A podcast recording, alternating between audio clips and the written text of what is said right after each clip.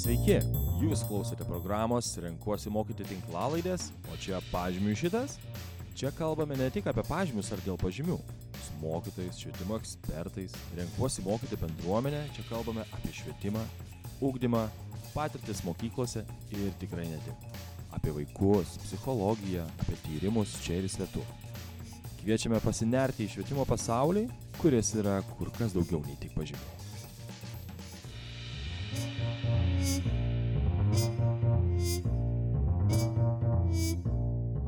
Sveiki, šiandien klausotės tinklalaidės, o čia pažymiu šitas, kurioje kalbėsime apie kritinį mąstymą. Kelsime klausimą, ar kritinis mąstymas yra tikrai kelias į mokymosi sėkmę. Ir turbūt jau dažnai labai girdime, kad kritinis mąstymas yra itin svarbi kompetencija, būtina šiame besikeičiančiame, nuolat besikeičiančiame ir informacijos kupiname pasaulyje. Tačiau vis vien kyla klausimas visų pirma, ar mes tikrai suprantame, ką reiškia mąstyti kritiškai ir kaip kritinį mąstymą reikėtų ugdyti vaikuose ir būtent šią kompetenciją įtraukti į ūkdymo procesą. Šią tinklalaidę vesiu aš, esu Emilė, e, programos Renkuosi mokyti plėtros vadovė. Ir šiandien kalbėsiu su trimis pašnekovėmis. Su Daiva, kuri yra daktarė Mykolo Romerio universiteto mokslininkė bei šiuolaikinių didaktikų centro direktorė. Sveiki. Labą dieną. Taip pat su Danguolė, kur yra pradinių klasių mokytoja, metodininkė Vilniaus Vyturio pradiniai iki Danguolė. Labadiena. Bei su Raimonda, kuri yra Vilniaus Petro Vileišio progymnazijos direktorė. Sveiki. Sveiki. Tai va, ir e, nieko nelaukdama, pradėsiu šią tinklalaidę tokiais gan bendrais ir plačiais klausimais. Tad visų pirma norėčiau paklausti pašnekovių, kaip manote, kas yra kritinis mąstymas, kaip mes jį turėtume apibrėžti. Galbūt galvoje turite tam tikrus komponentus ar gebėjimus, kurie sudaro kritinį mąstymą.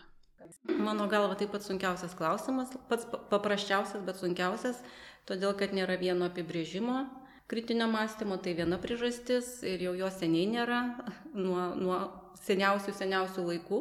Bet dar kitas yra sunkumas susijęs su mūsų laikais, kur mūsų laikuose e, apskaitai savokos linkia išplaukti ir susiniveliuoti. Mes daug ką vadiname visokiais vardais tų, kurie iš tikrųjų nėra. Tai ir čia bėda yra su kritiniu mąstymu, kad jam priskiriama labai daug įvairių, įvairių dalykų, kurie iš tikrųjų nėra kritinis mąstymas. Tai ir geras mąstymas, tai ir visokių problemų sprendimas, kuries ne visą laiką būna problemų sprendimas. Taip kad iš tikrųjų tų apibrėžimų yra labai daug. Ir, ir mokslininkai labai dažnai, kurie rašo apie kritinį mąstymą ir pradeda savo straipsnius apie jį, tai pirmiausia pradeda sakyti, rašyti nuo to, kas tikrai nėra kritinis mąstymas. Ir tada tik tai perina prie to apibūdinimo, kas yra kritinis mąstymas. Tai nėra vieno apibrėžimo, bet galima būti kiekvienam savo įsigilinus pasidaryti savo, kas tai yra. Na visų pirma, tai tikriausiai, kas bendra visiems, kad tai nėra kažkoks vienas tik tai gebėjimas, tai apskritai laikoma kompetencija, kritinio mąstymo kompetencija ir ta kompetencija tai apima ir, ir žinias, ir, ir, ir gebėjimus, ir nuostatas, kurios visos, kurias galime pamatyti konkrečiam veiksme. Žodžiu, jos įsiprasmina veiksme ir tada mes jį atpažįstam iš to veiksmo, ar ne? Iš kažkokio veiksmo, kuris atskleidžia vienas arba kitas kritinio mąstymo uh, dedamasias savybės. Tai e, gal toks labai daug tų apibrėžimų yra, bet e, toks vienas iš e, trumpiausių, tai mokslininko Roberto Enio apibrėžimas, kuris sako, tai yra pasvertas, argumentuotas, savarankiškai padarytas sprendimas, kuo tikėti ir kuo ne. Tai va čia toks trumpas, bet jis toksai, gal aš jį pasakiau dėl to, kad jis yra labai lakoniškas. Mhm. Bet šiaip tai iš tikrųjų jų yra labai daug ir atsakyti sudėtinga. Mhm. Ačiū labai tas toksai kitas klausimas, kai aš irgi bandžiau suprasti tą didelį konceptą kritinio mąstymo, natūraliai kyla, e, jūs irgi kalbėjote būtent, kad tai, tą kritinį mąstymą mes galime pamatyti kažkokiuose veiksmuose. Tai mano kitas klausimas, vad kokiuose būtent gyvenimiškose situacijose mes galime pamatyti tą žmonių ar vaikų kritinį mąstymą. Kaip jums atrodo, gal kyla kažkokių situacijų tiesiog galvose, kur matot, pagalvotumėt, vad kritinis mąstymas. Aš turiu tokią juokingą situaciją iš savo patyrimo. Kaip Daiva sako, kad, kad kritinis mąstymas toks, tokia išplaukusi savoka, bet aš esu savo pasidariusi savo apibrėžimą. Tai man iš tikrųjų tai yra pagristų vertybinių sprendimų prieimimas, ne bet kokiu vertybinių sprendimų prieimimas. Bet kartais reikia kritinio mąstymo ir tokiuose paprastose situacijose. Tai aš pamenu, čia jau buvo seniai, aš mokiausi anglų kalbos ir vadovėlį buvo tokia užduotis. Žodžiu, kokie ledai yra sveikiausi ir pasirinkimai - balti, žali ir mėlyni. Ir spėkit, ką Raimonda išpoškino. Žali. Ir dėsita žiūri mane, Raimonda, ir aš galvoju, kas yra ne taip. Ir staiga susigaunu, kad mano, man ta žalia spalva nu jau ekologiškas dar kažkoks, o kad tas žalės ledas pridėtas dažo, tai jau aš nebe, nebe, nebesusigaudau. Tai va, tai man atrodo, kad to kritinio mąstymo reikia nu, labai visokiose situacijose, nuo tokių visiškai kasdienių, ar ne, ten sakykim, ką aš perku, kokį produktą perku, žiūriu, kas yra gamintojas, man kritinis mąstymas visada va, susijęs su tais vertybiniais sprendimais. O vertybinis sprendimas yra tada, kai aš išsitiriu visas prielaidas ar ne pasiekmes ir tada priimu sprendimą. Tai nuo ledų pasirinkimo ir nepuolant pirkti žalių iki, iki pačių kasdienių, ten, sakykime, rušiavimo, man rušiavimo sprendimas, pavyzdžiui, yra kritinio mąstymo pasirinkimas nes aš galiu žinoti, kaip rušiuoti, bet galiu nerušiuoti, kol neturiu aiškaus įsitikinimo, dėl ko aš tai darau. O kad žinočiau, dėl ko aš tai darau, aš jau turiu jungti kritinį mąstymą, galvoti apie, apie tokias tolimas pasiekmes. Tai kiekvienoje gyvenimo situacijoje, ne, nepaisant apie visus kitus vertybinius rimtus pasirinkimus.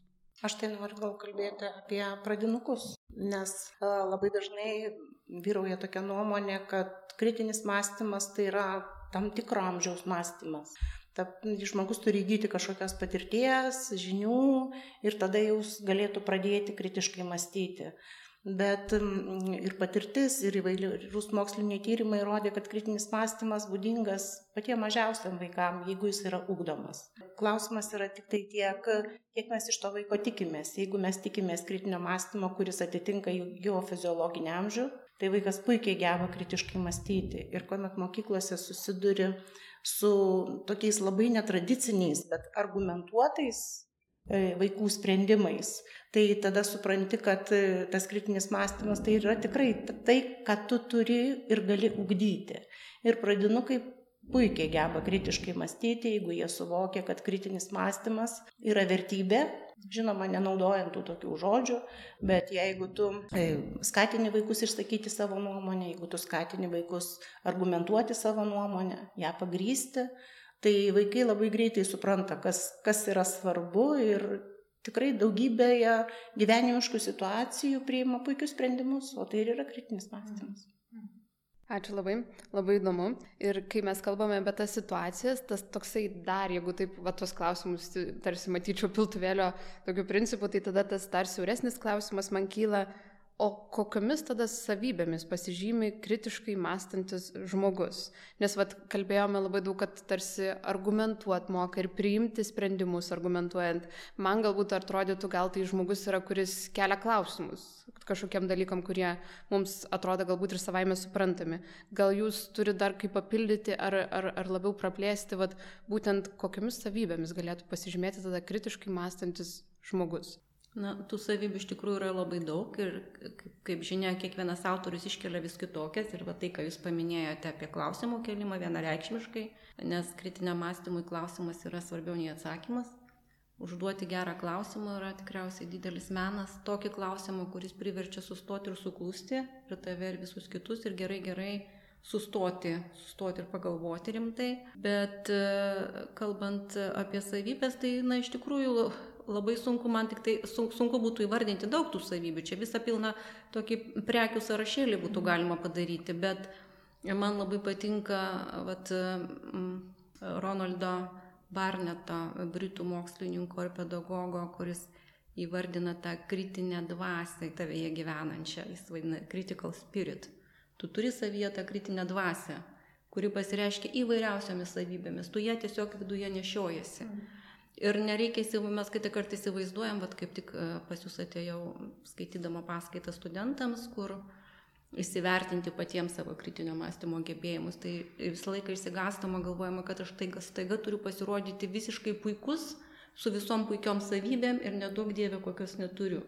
Bet labai greit viskas nusima, kai pavyzdžiui, aš pati pasakau, tokios aš neturiu, o čia tokios mano tik užuomasgos, o va šitą reikia lavinti, o šitą praradau, arba šitą atradau, kad tai yra procesas iš tikrųjų ir tų kritinio mąstymo savybių, tu tiesiog tai yra, nu, tiesiog tai yra laikia įvairiam kontekste, kuriuose tu įgyji, prarandi, atrandi, tobulini ir taip toliau.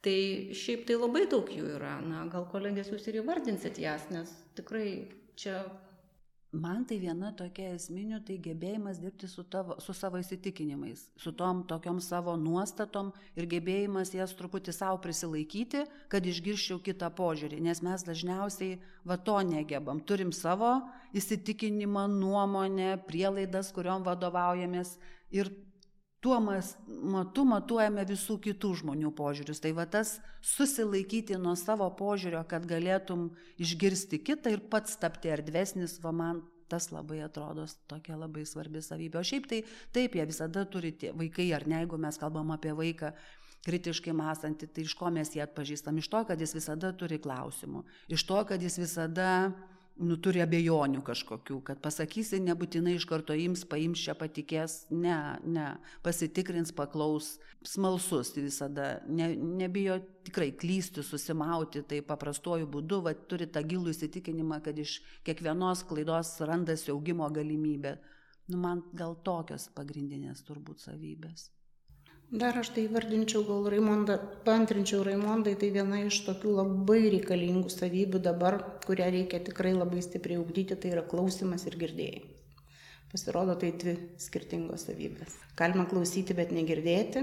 Ir va štai tas girdėjimas ir suvokimas tai, ką tau sako, ir norėjimas e, suvokti tai, ką tau sako iš tiesų. Ne tai, ką tu nori girdėti, bet tai, ką tau iš tiesų sako. Na ir žinoma, kad gebėjimas diskutuoti tuo klausimu. Nesiginčyti, bet diskutuoti, ieškoti to bendro sprendimo, suprasti, kad bendri sprendimai gali būti du, kad jie abu gali būti teisingi. Tai štai va, tie dalykai, su kuriais tikrai yra ką veikti mokykloje. Čia tai, kad tu danguolė sakai, ta intelektinė empatija apibūdina. Tai reiškia, kad aš mąstau vienaip, tu mąstai kitaip, man gali visiškai nepatikti, kaip tu mąstai, bet aš labai stengiuosi suvokti, kodėl tu taip mąstai. Kuo mhm. grįstas tas tavo mąstymas, ar ne, iš kur ateina tokios mintis. Man jos visiškai neprimtinos, bet aš vien dėl to tavęs netmetu. Mhm.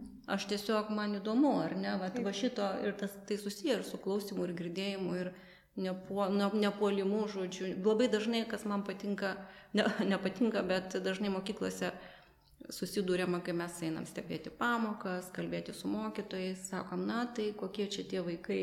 Kritinio mąstymo požymiai, sako, jis labai drasus, žodžiu, va jis labai drąsiai reiškia mintį.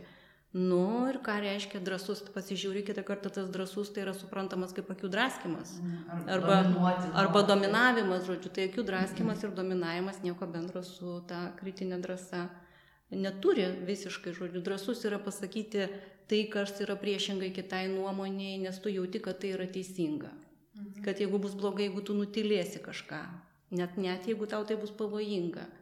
Ir bet vis tiek aš vardant tiesos ir teisingumo turiu pasakyti, žodžiu. Tai va čia yra drąsa, o ne tai, kad va, jis kelia bet kokiu atveju, žino, nežino, ranką kelia, bėga, sako, kalba.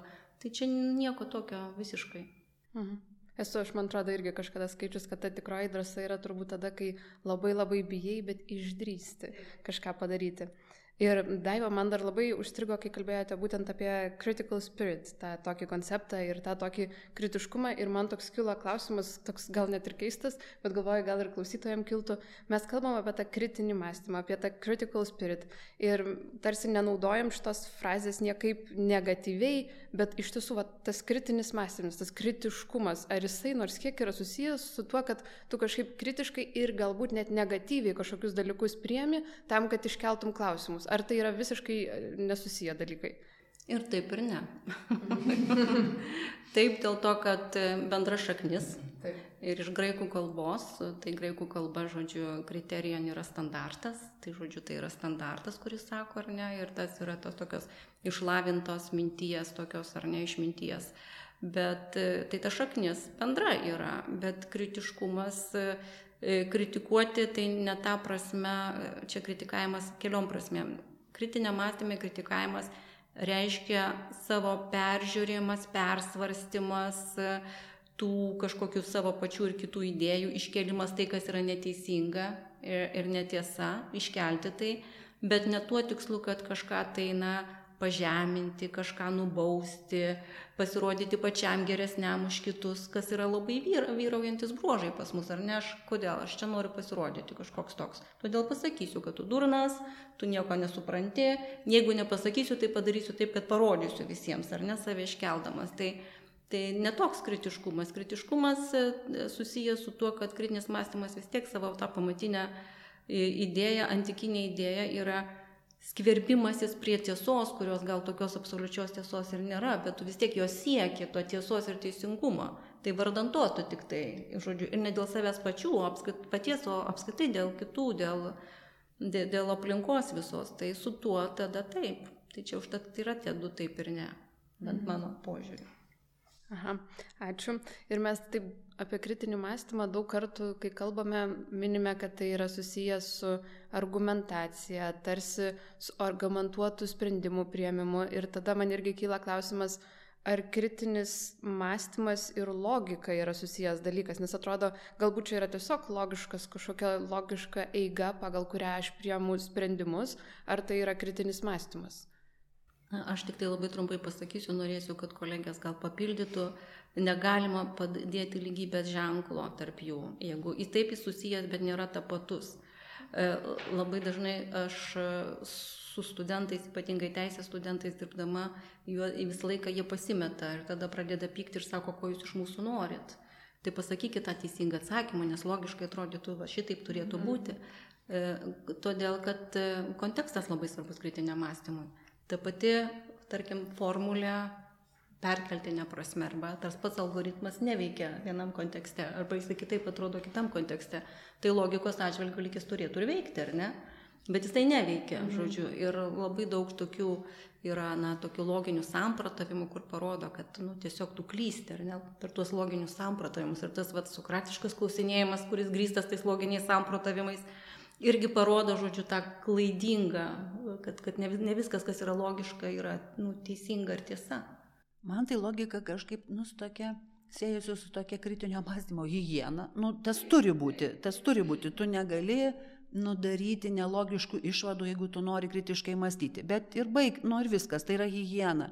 Bet kritinis mąstymas visada yra su tokiais vertybiniais pasirinkimais nu tai ten tokia vat logika tai tokia abėcėlė o kritinis mąstymas yra toks aukštesnysis lygmuo kai tu tikrai vertybiškai renkiesi. Man vat aš tokį turiu sau susidėliojus tų sąvokų santykį. Dar gal vienas dalykas ką mes turime nu visą laiką prisiminti kad grįžtant prie mokyklos tai niekur mes nedingsime nuo žinių ir nuo tos logikos kurią mum diktuoja ži žinių žinojimas bet tai yra tas pamatas, kuris paskui sudaro sąlygas mums kritiškai mąstyti. Nes būtent turėdami tam, tam tikrą kraitį žinių, mes galime daryti vienokią arba kitokią išvadą. Ir tų išvadų tikrai nebūtinai turi būti viena. Tai vad pantrinant daivutį, tai galima tik tai sakyti, kad tų išvadų gali būti tiek, kiek yra mokinių klasėje, jeigu jie sugeba savo nuomonę pagrysti.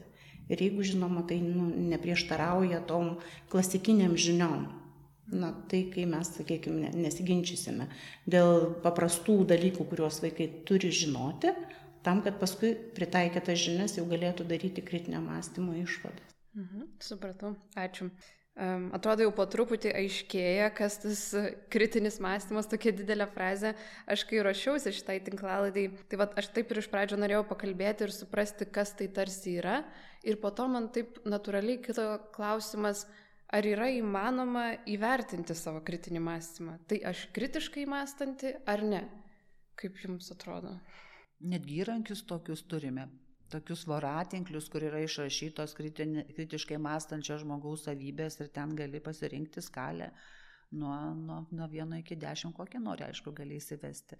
Tai man atrodo, kad pakankamai pamatuojama kompetencija, jeigu mes nu, laikome ją vertybę, siekiame pamatuoti, tai tam tikrus dalykus mes galime pamatuoti. Nu, tas pats esė, tarkim, ar ne, nu, tai tu skaitydama žmogaus esė gali vertinti jo, jo mąstymo kokybę.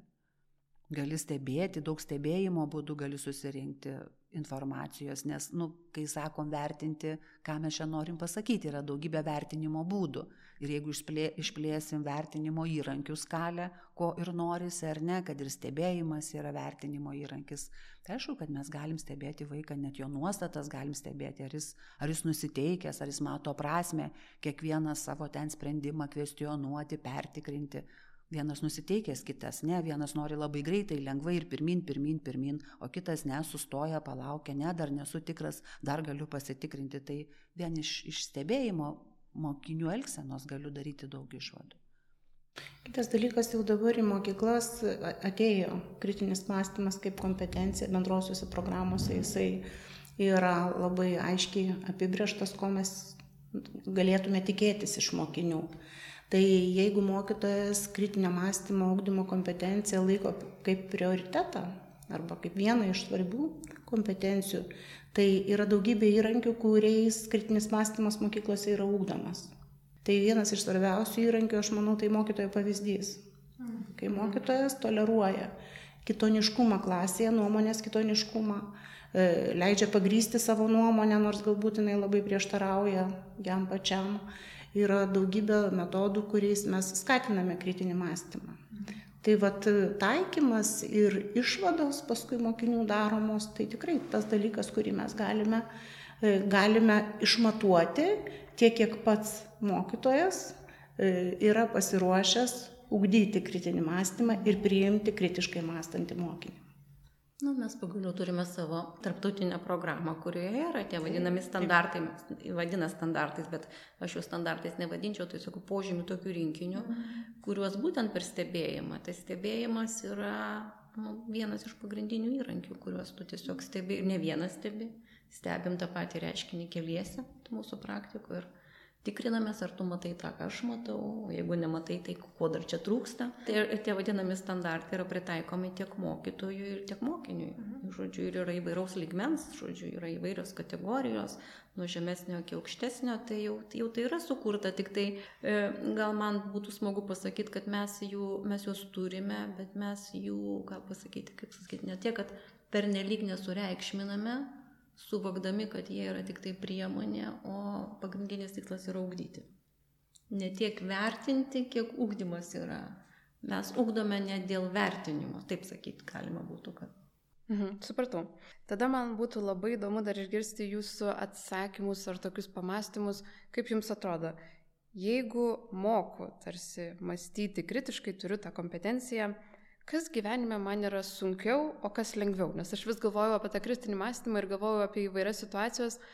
Vat kas tarsi galbūt lengviau, gal priimti sprendimus, pasirinkti kažką, o gal kaip tik man daug sunkiau yra padaryti šitus dalykus, nes aš tiesiog labai daug ką įvertinti turiu arba apie daug ką apmastyti darant šitus dalykus. Tai kaip jums atrodo tokiuose situacijose, kas gali būti sunkiau, kas lengviau?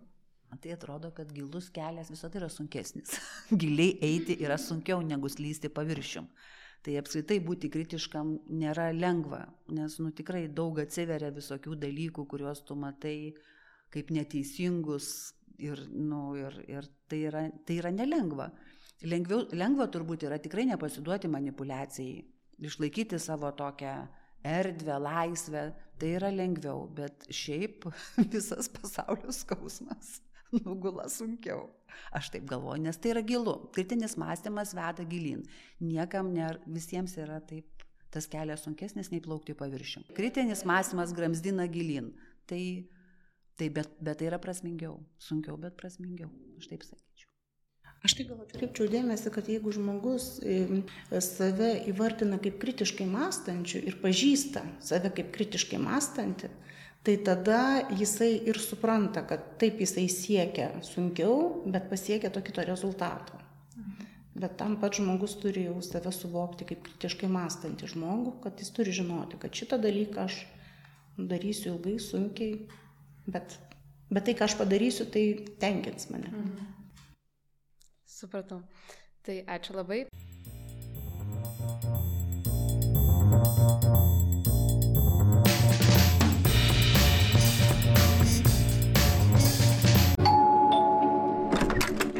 Galite būti mūsų mokytojai. Leisk vaikams tave surasti. Šiuo metu Lietuvoje trūksta daugiau nei 1500 mokytojų. Tap mokytojus renkuosi mokyti. Aplikuok renkuosi mokyti.lt.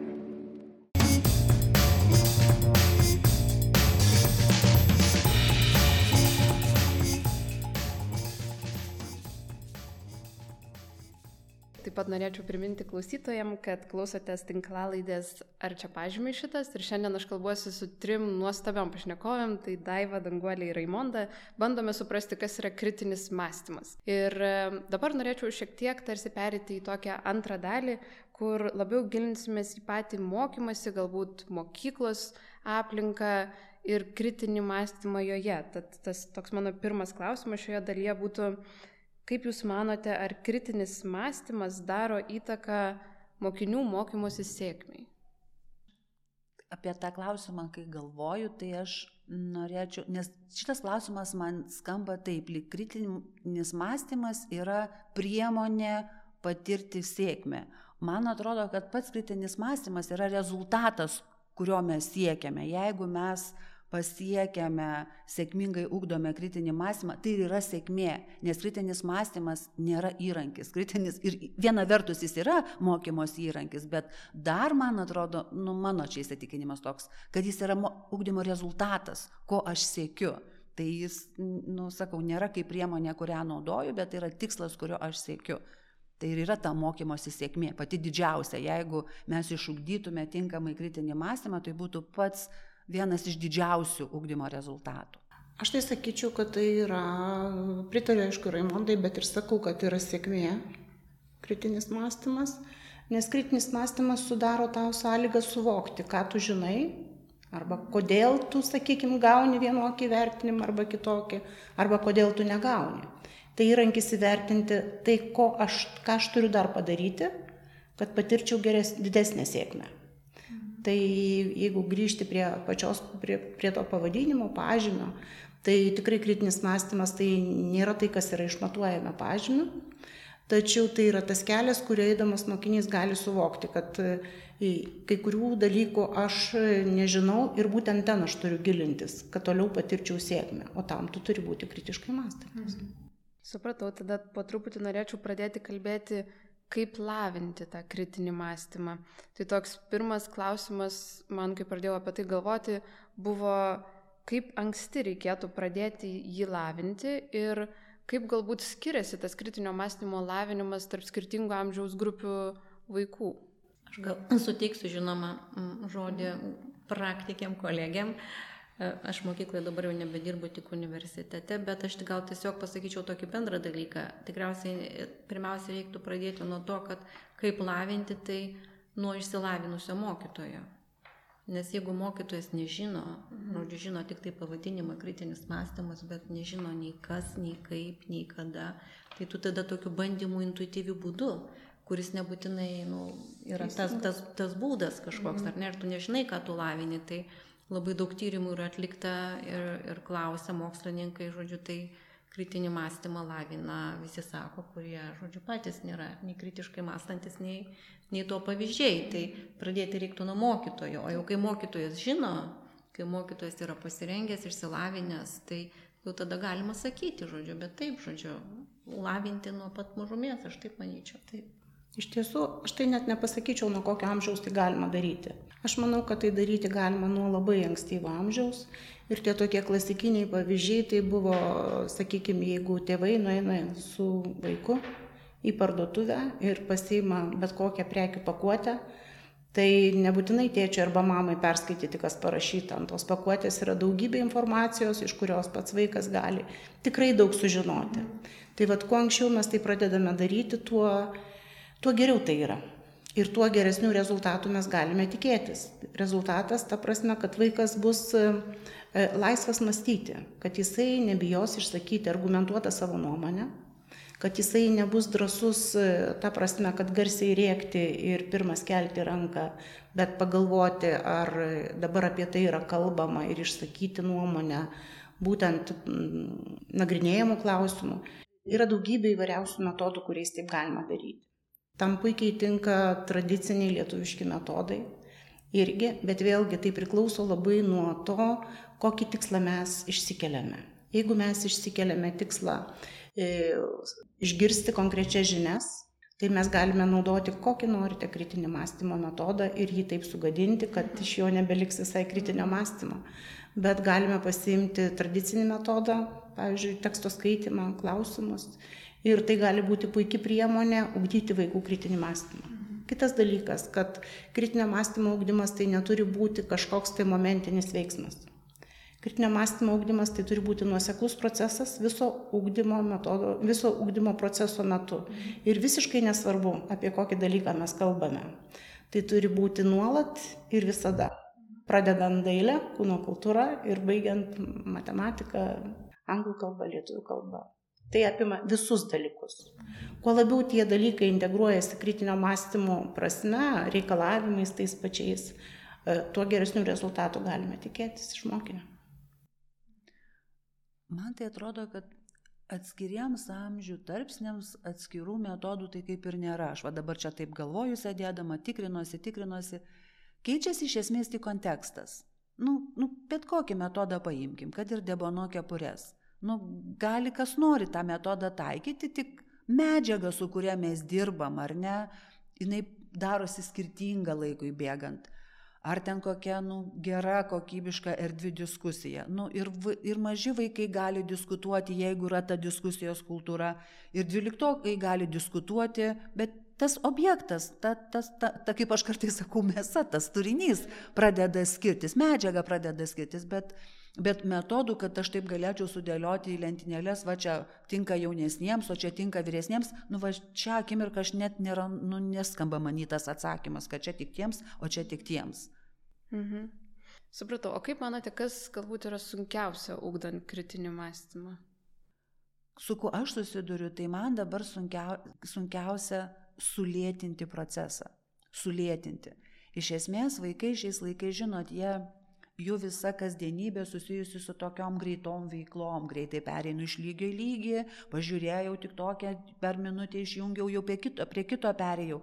Ir kritinis mąstymas taip nevyksta. Tu turi sulėtinti procesą. Ir tada, kai tu pradedi lėtinti, tai atsiranda tas toks tempų skirtumas tarp to, kaip vaikai įpratę veikti ir, ir taip to, kaip tu kvieti juos veikti pamokoje. Ir tada tokio, a, džirų, džirų, tokios įtampos truputį būna. Nu, kol tu kol tai tampa kultūra. Tai va toj pradžioj tikrai reikia daug atlaikyti ir daug ištverti, nes viskas čia atrodo lėta, viską čia jau mes kiek čia tą patį per tą patį, nu tokių, jeigu nu, mes norim linksmų ir tokių žvilgančių akyčių, viskas visiems patinka, tai, tai, tai bent man taip nenutinka. Tu turi pereiti tą sulėtinimo procesą. Tai man vad gal tas jų kasdienio gyvenimo tempų ir tempų, kur, kuriame tu turi prilaikyti juos, jeigu nori eiti gilin, ta tokia vad įtampa, kuri kyla man, man vad ta įveika yra tokia sunkiausia, kur aš dar labai ieškau, kad jie nesikankintų ir vis dėlto aš irgi nenučiuoščiau tuo paviršium, taip kad, nu, čia visiems faina ir visi čia taip mes greit nučiažiam per parketą. Aš manau, dar viena iš problemų yra tai, kad e, labai skirtingi mokinių gebėjimai. Pačių mokinių kritinio mąstymo augdymo gebėjimai yra labai skirtingi. Ir šitoj vietoj e, kartais, nu, dirbant, sakykime, su bent jau su pradinukais, manau, ir su vyresniais mokiniais, nepaprastai svarbu yra ta saugia aplinka, kurioje mokiniai tikrai galėtų pasakyti, ką jie galvoja. Pasakyti, suklysti, pasitaisyti, e, pakeisti savo nuomonę ir jaustis tame saugiai. Tai va šitoj vietoje mokytojai dirbis turi būti labai didelis prieš tai, kad jis turi sudaryti tokias sąlygas, kad jau prieš tai mokiniai turėtų teisę klysti, kad jų ta nuomonė būtų gerbiama, kad jie turėtų teisę pasitaisyti ir dėl to nesijausti blogai. O tai tikrai nėra lengva, nes nu, vaikai jie yra vaikai, išklausyti kitą nuomonę, kitokią nuomonę ne visada yra paprasta, juolab, kad kuomet mąstome kritiškai ir nuomonės gali būti labai skirtingos. Tai, tai šitoj vietoje sukurti tą aplinką, kurioje vaikai jaustųsi saugiai, tai tikrai ilgas labai procesas. Na, prie to pridėsiu to greito rezultato, žodžiu, Taip. ar ne, bet viskas Taip. susiję yra. Nėra to greito rezultato, negali jo pamatyti, apčiuopti iš karto, žodžiu, tai yra po kažkokį tai elementą, ar ne apie kažkokį tai momentą. Ir, ir tos tokio kantrybės, kantrybės reikia. Ir pačio rezultato suvokimas, sakykime, bet kaip suvokti kritinio mąstymo rezultatą, tai irgi, sakykime, nu, vaikai dažniausiai suvokia tai, kas yra apčiuopia, pažymys. Jie tada labai gerai suvokia, kiek žino, kiek supranta, tai jiem yra aišku. Šitoj vietoj tas rezultatas toks yra na, šiek tiek aptakus. Ir tada vaikai turi suprasti, o kodėlgi. Kodėl reikia taip daryti, kodėl negalima to padaryti kitaip. Mhm. Atrodo, kalbame vis tiek apie tokius ilgalaikius procesus, kurie gali būti labai sudėtingi, bet man vis tiek taip kirba tas klausimas, galbūt galėtumėt iš savo patirties pasidalinti tarsi tokiais metodais, um, vat mūsų klausytojams arba pasi, pasidalinti su visais tiesiog metodais, kurie lavintų tą kritinį mąstymą ir galbūt tikrai tuos metodus galima įgyvendinti net taip ir sudėtingai. Aš puikiai suprantu, kad be abejo visas tas ūkdymo procesas ir lavinimas yra tiesiog ilgas procesas, ties kuriuo reikia dirbti, čia daug kartų apie tai kalbėjom, bet galbūt turite kokiu nors pavyzdžių. Aš pasakysiu tokį labai jau tokią didelę naujieną kabutėse, bet iš tikrųjų man labai gerai veikiantis du dalykai yra laukimo pauzė ir klausimas, ką tai galėtų reikšti. Ne ką tai reiškia, o ką tai galėtų reikšti. Nu, aš mėgstu tokius metodus, kur sakau, jie yra nesudėtingi ir veikia tokių lašinės principų. Tu juos nuolat taikai, taikai ir staiga supranti, kad atsirado visai kita kultūra. Tai man va ta laukim ir visada, ne visada, ne, ne visada, bet labai daug būna tokių situacijų, kai aš sakau pramuša. Žinot, užduodi klausimą, tylu. Ir tada tu lauki. Ir va tada ta laukimo pauzė visada atneša kažkokį gausų derlių. Tai čia nieko naujo, bet iš esmės aš pati save gaudau, kaip nėra tai lengva nes nu visada nori suskubėti, ten į laikrodį žiūri ir taip, bet visos didžiosios dovanos yra atsitikusios tada, kai tu samoningai sustoji ir padarai tą laukimo pauzę ir pasirenki būtent tą formuluotę, ne ką tai reiškia, ne tai, nes tai uždaro, užrakina, nes tai siunčia žinę, kad tai yra vienas kažkoks atsakymas ir tada visi susiparalyžiuoja ir ne, negali pasakyti. Kai tu paklausi, ką tai galėtų reikšti, tave išlaisvina, nes yra ir taip, aha, ir taip gali būti, ir taip gali būti, ir taip gali būti. O tada jau galim pradėti kvestionuoti, kai mes turim tą nuomonių ar interpretacijų potencialių derlių, tada galim pradėti jas sijoti, bet pirmą reikia išsiprovokuoti. Tai man, va, nu, toks, toks mažas dalykas, kuris man visada veikia. Aš tik tai gal pratęsiu, kad aš lygiai taip pat e, mėgstu tai daryti.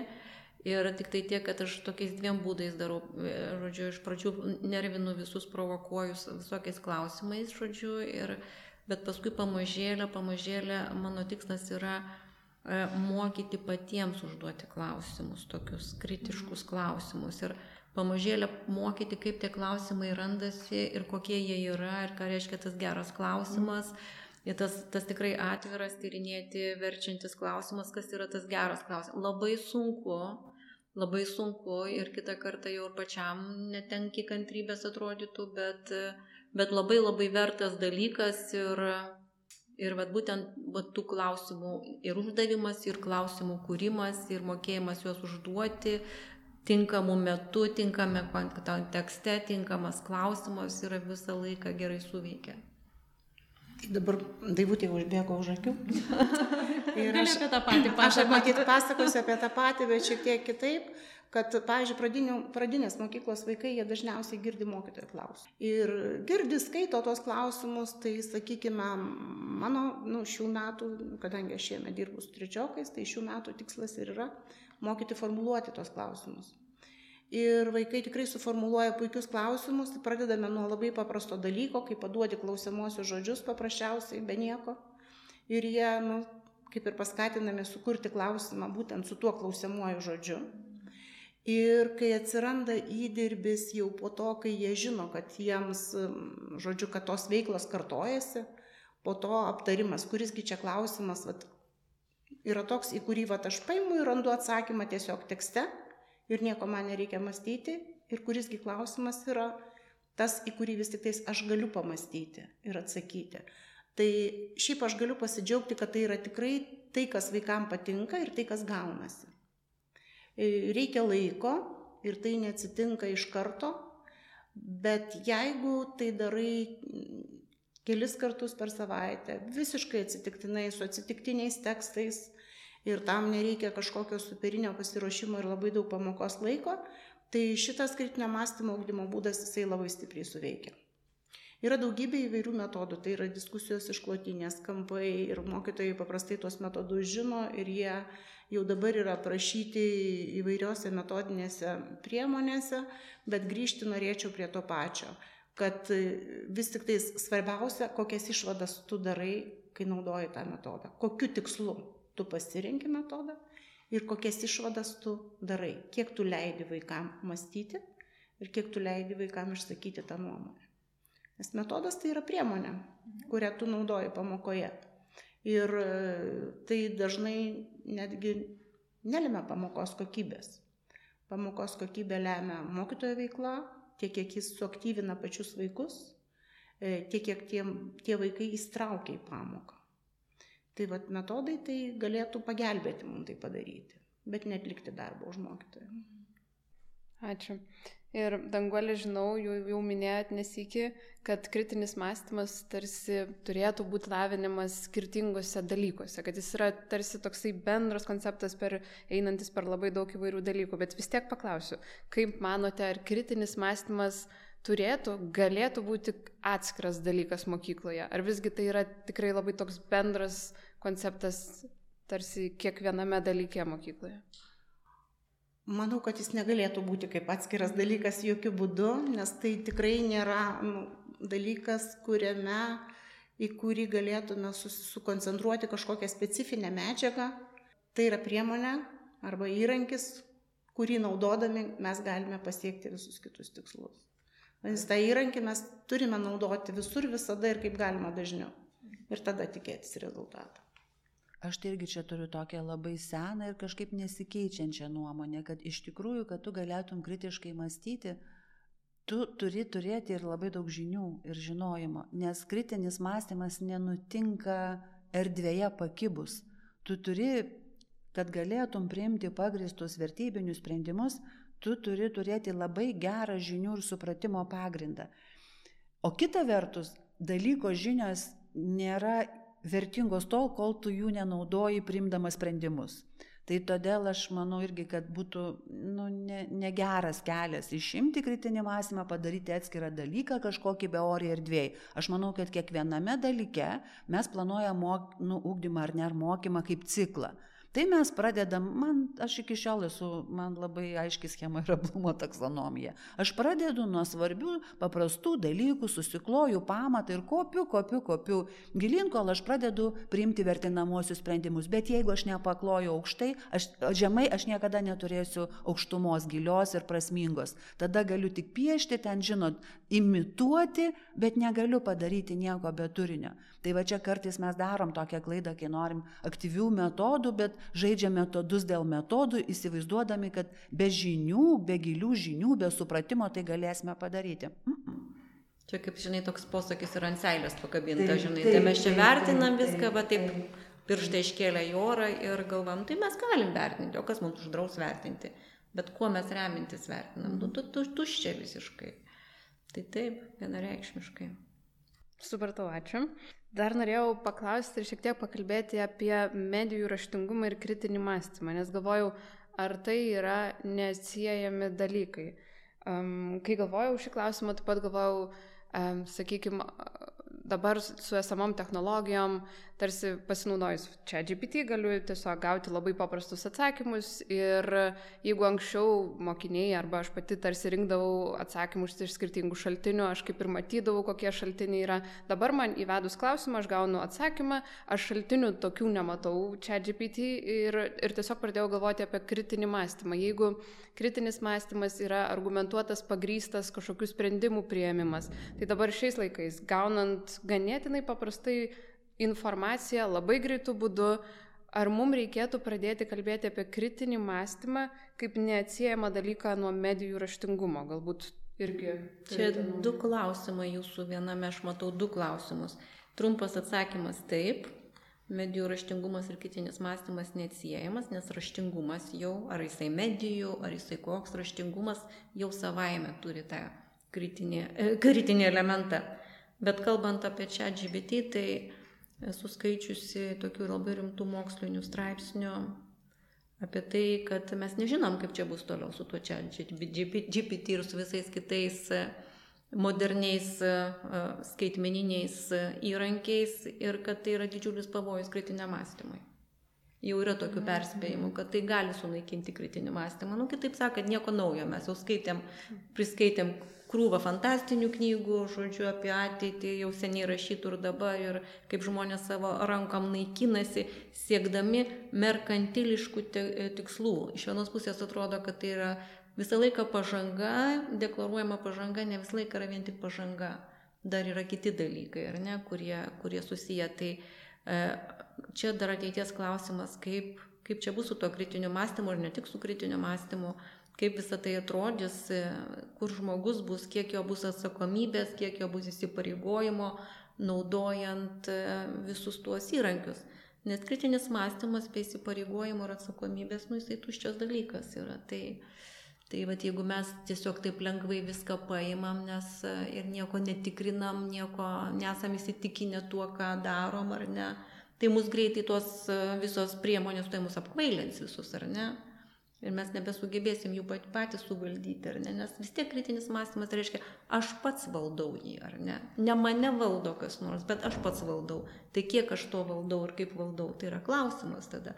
Man čia yra atviras klausimas, aš savo atsakymo neturiu kad medijų raštingumas ir kritinis mąstymas susijęs vienareikšmiškai, bet kalbant apie visus tos įrankius, kurie yra dabar, kurie dar bus tik kūriami ateityje, nu, tiesiog įdomu. Aš vis tiek kol kas manau, kad nu, gerai surink, surinka man medžiagą iš įvairių šaltinių, bet apsispręsti, pir, pir, pirmas dalykas, tai reikia dar patikrinti, nes ten yra daroma klaidų, jisai paskui, aišku, ten moka atsik, pa, paapgailę stauti, kad padarė klaidą, bet iš esmės priimti, apsispręsti, priimti sprendimą.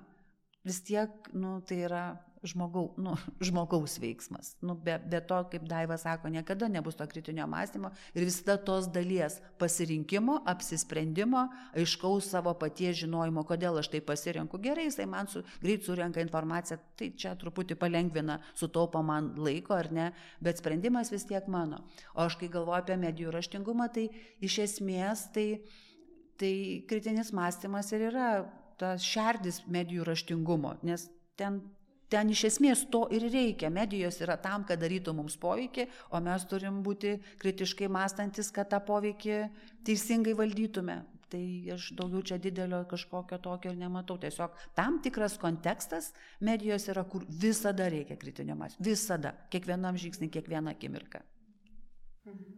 Ir čia dar gal galima būtų pasakyti, kad čia ir yra tas didysis tikslas, kuris labai garsiai skamba, kad nu, sugebėti išmokyti atsirinkti. Nes gausa yra labai didelė ir jeigu tu taip tik tai imsi, tai nieko gero nebus. Bet jeigu tu esi... Taip. Kuo toliau, to sudėtingiau taip, atsirinkti. Dabar taip. yra labai sunkus uždavinys, yra taip. dabar nežmoniškai. Tai va čia gal ir iškyla tas tikslas mokyti atsirinkti. Mhm. O tam turi būti kritiškai mąstantis. Mhm. Pabandysiu taip truputį apibendrinti, bet kartu dar ir klausimą tarsi kelti, galbūt tokį trumpą, nes Daiva minėjot e, tokius dalykus, taip, tos scenarius įvairiausius ateities, kur kalbėtume, kad vat, to, tokie dalykai kaip čia GPT ir, ir visas tas progresas galbūt tarsi galėtų sunaikinti kritinį mąstymą žmonių, aš kažkaip pati labai stengiuosi vengti tokių absoliutinių blogų scenarijų, kai, kai kalbame apie progresą ir inovacijas ir panašiai, kažkaip taip natūraliai man nesinori taip galvoti kažkaip absoliutiškai ir blogai.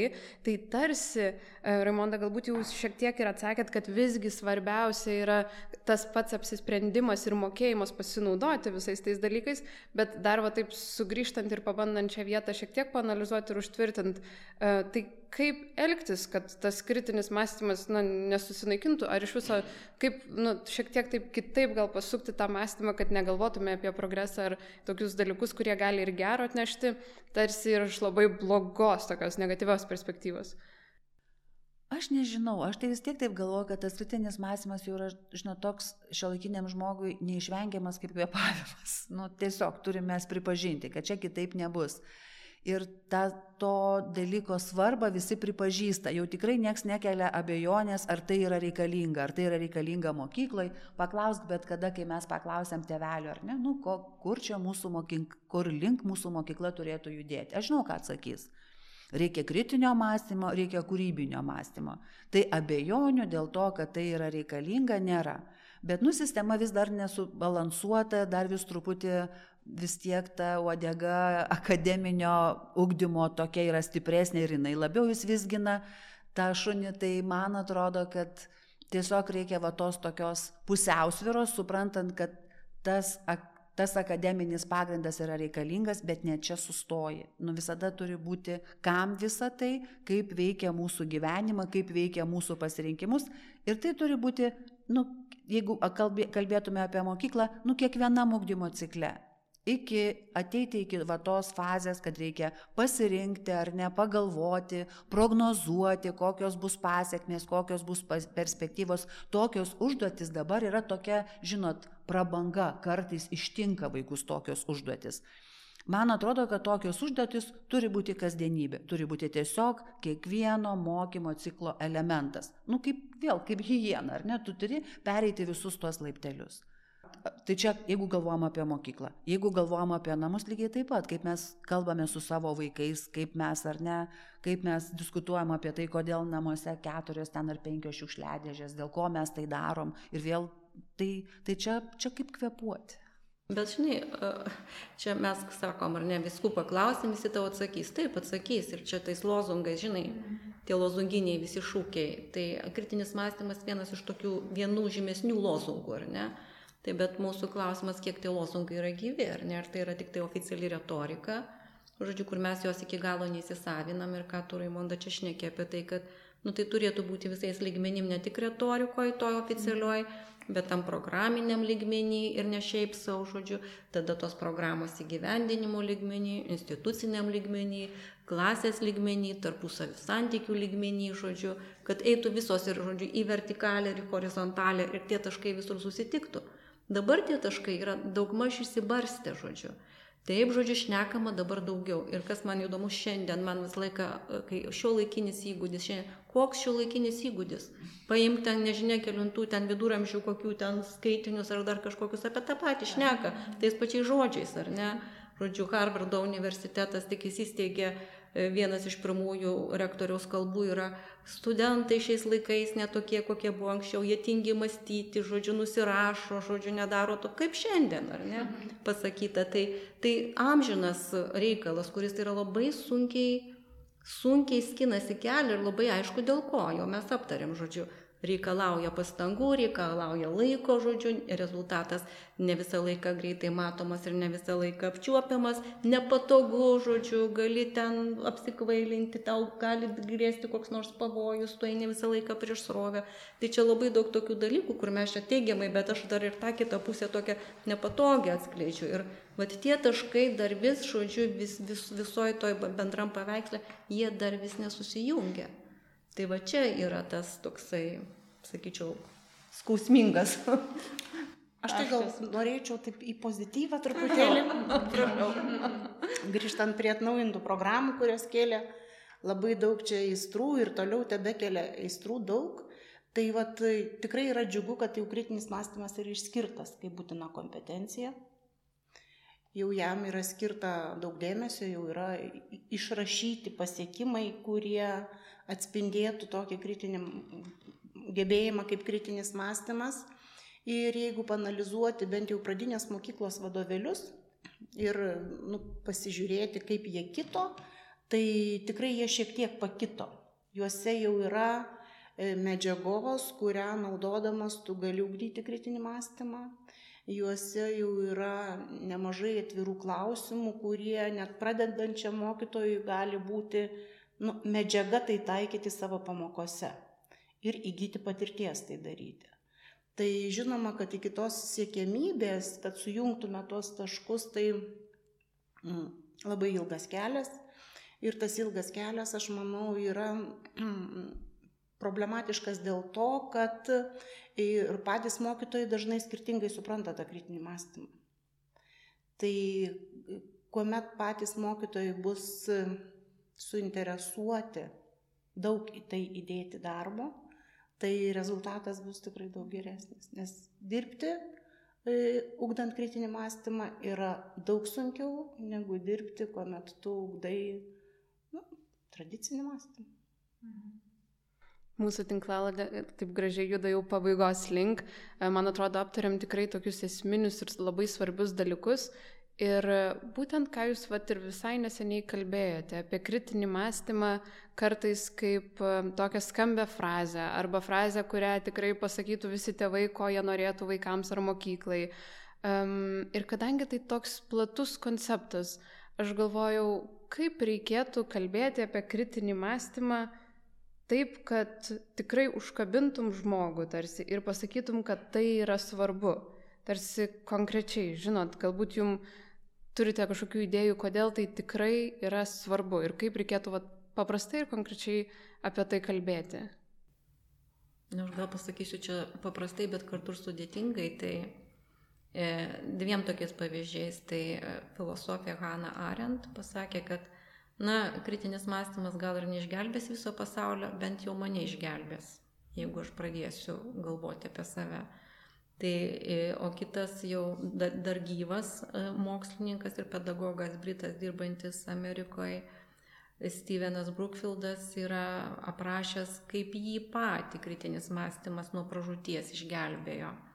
Tai gal aš sakyčiau toks labai gal paprastas e, pavyzdys, kai tu pradedi analizuoti savo mintis, tų minčių, žodžių pasiekoje ateinančius veiksmus, kas sąlygojo, kokiom prielaidom grįstas, kur tu paslydai, pakliuvai kažkur ar ne, kur tiesiog balansavai ant kažkokios tikrai labai blogos ribos. Ir va tas tave padeda tau, na iš tikrųjų tave kitą kartą ištraukti iš to, kai tu pats mhm. supranti. Tai, na, tai aš sakyčiau taip vien dėl to, kad jeigu tu neišgelbėsi pasaulio, bet save kitą kartą gali išgelbėti. Tai, tai va šitie dalykai yra labai, mano, mano galva, svarbus vien dėl to, kad tu pas, pas save suprastum ir savo polgius, ir savo pasiekmes. Ir kaip jau buvom kalbėję, kad truputėlį ir į priekį galėtum planuoti ir na, aplink save susitvarkyti, ar ne kažkaip tai. Jeigu kalbėti apie patį mokymąsi, tai aš manau, kad ir mokiniui, kuris geba kritiškai mąstyti, yra lengviau. Nes lengviau ir saugiau, todėl kad jis žino, kad nebūtinai jis turi turėti tą vieną vienintelį teisingą atsakymą. Mm. Jis turi, turė, jis turi laisvę pasirinkti kelis atsakymus ir būti teisus. Tai šitoj vietoje aš manau, kad ir ūkdymo procese e, ta mokinio laisvė yra nepaprastai svarbi pačiam mokiniui ir mokytojui. Nes ne visada tai, kas yra testuose, tai yra ta absoliuti tiesa ir siekėmybė, kurios turėtume siekti labai dažnai suprantame, kad nu, yra daug labai svarbių dalykų ir mokinys gali tuos dalykus atrasti. Ne tik tai iškalęs tekstą, ne tik tai perskaitęs kažkokius tai, žodžiu, mokslinius straipsnius, bet ir tuomet, kada jisai sujungia tai, ką matė per televizorių, perskaitė, galų galiai įgyjo žinių žaisdamas kompiuterinius žaidimus. Ir jeigu visa tai įsilieja į tą rezultatą, kurį nu, kurį mes norime matyti kaip kritiškai mąstančio žmogaus, o kodėlgi jam tų, ne, kodėlgi jam tų žinių nepanaudojus. Tai šitoje vietoje aš manau, kad mes suteiktume laisvę ir pačiam mokiniui. O aš tai manau, kad nekalbėti apie, bet kalbėti tokiu būdu. Ką mes bedarytume ir ką mes beveiktume, reikia va tokio kritinio mąstymo būdu. Nes kalbėti apie tai čia kaip ir, nu, va, tikiu, kad gali liudimas vienas kitas padėti, bet po to tu nieko apie tai papasakot negali. Tu gali tik tai skurti kultūrą, kad ką bedarytum, nu, darytum tokiu būdu kad būtų nuomonių įvairovė, kad būtų pagristumas, kad būtų galimybė pasakyti, kvestionuoti, suabejoti, čia pat pasakyti sakau, bet nežinau ir kad pats mokytojas, nu tarkim, jeigu vėl apie mokyklą galvojam, ar ne, kad ir pats mokytojas modeliuotų va tokį elgesį, aš sakau, bet nesu įsitikinusi, kad nuolat va ta abejonė, tokios frazės diskusijose, nu jos būtų kaip, nu kaip, kaip, kaip tokia nu, esminė raiška diskusijos. Tai aš apie tai galvoju, kad tu turi taip būti, o ne apie kalbėti. Nežinau, ką reikia kalbėti apie kritinį mąstymą. Na ir visai pabaigai, man taip dažnai patinka diskusijas pabaigti, galbūt šiek tiek atsiplėšti nuo tos realybės ir e, paspekuliuoti arba šiaip pagalvoti, kaip jums atrodo, atrodo kaip atrodytų mūsų visuomenė, jeigu dauguma žmonių, sakykime, visi žmonės būtų kritiškai mąstantis. Ar tai būtų svajonių visuomenė, kaip Jūs manot, o galbūt mes visi išprotėtume, kaip Jums atrodo? Nežinau, man tai kažkaip gal vis dėlto ateina tokie du žodžiai - darna, išmintis ir darna. Nes man atrodo, kad kritinis mąstymas padeda tau tapti tokiam išmintingam, ta prasme, kad tu gali sukalibruoti uh, tai, kas asmeniškai žmonėms naudinga su tokiu visuotiniu gėriu, nes tu visa, visada esi tame pasirinkime. Ir, ir tu taip esi taip laisvas, erdviai laisvas, kad ir tavo įsitikinimams užtenka vietos, ir kitų įsitikinimams užtenka vietos, ir iš to, man atrodo, randasi darna visuomeniai, kad tas sukalibravimas asmeninio ir visuomeninio, visuotinio gėrio intereso, man atrodo, susikalibruotų, jeigu visi mąstytų kritiškai. Ir kitas žodis, kuris ateina, nu iš tikrųjų ateina tas tvarumas, kad, nu iš tikrųjų mes kitaip rūpintumėmės ir galvotume apie savo ateitį, jeigu galėtum, jeigu mokėtume kritiškai mąstyti, tinkamai pasirinkti. Nu, man galva tokios pirmas mintis ateina į galvą, aš matyčiau tokį šviesų scenarijų. Aš tai tokios utopinės šalies nepažįstu, neįsivaizduoju. Net. Bet tai čia toks ir klausimas. Nu, net neįsivaizduoju, net neįsivaizduoju, žinok, net, nes man vat, užkabino tas pasakymas, kad nebūtinai čia būtų toks rožinis paveikslas. Mhm. Nežinau. Supratau. Nežinau, labai sunku iš tiesų atsakyti į tokį klausimą, nes kritinis mąstymas yra daug laisvės. Mhm. Laisvė visą laiką turi būti susijusi su atsakomybė. Tai vad jeigu išlaikyti pusiausvyrą tarp laisvės ir atsakomybės, tai, tai paveikslas galėtų būti pozityvus. E, jeigu laisvė nebūtų pilnai atsverta atsakomybės, tada galėtų būti visai.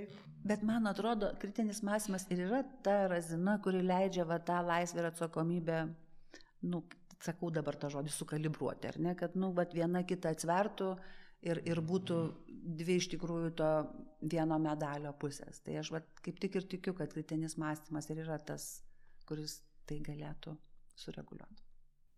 Ačiū labai, ačiū, kad kartu pafantazavot ir kad bandėm paaiškinti ir pačios galbūt suprasti, kas yra kritinis mąstymas. Klausėtės tinklalaidės, o čia pažymiu šitas. Ačiū Jums visiems.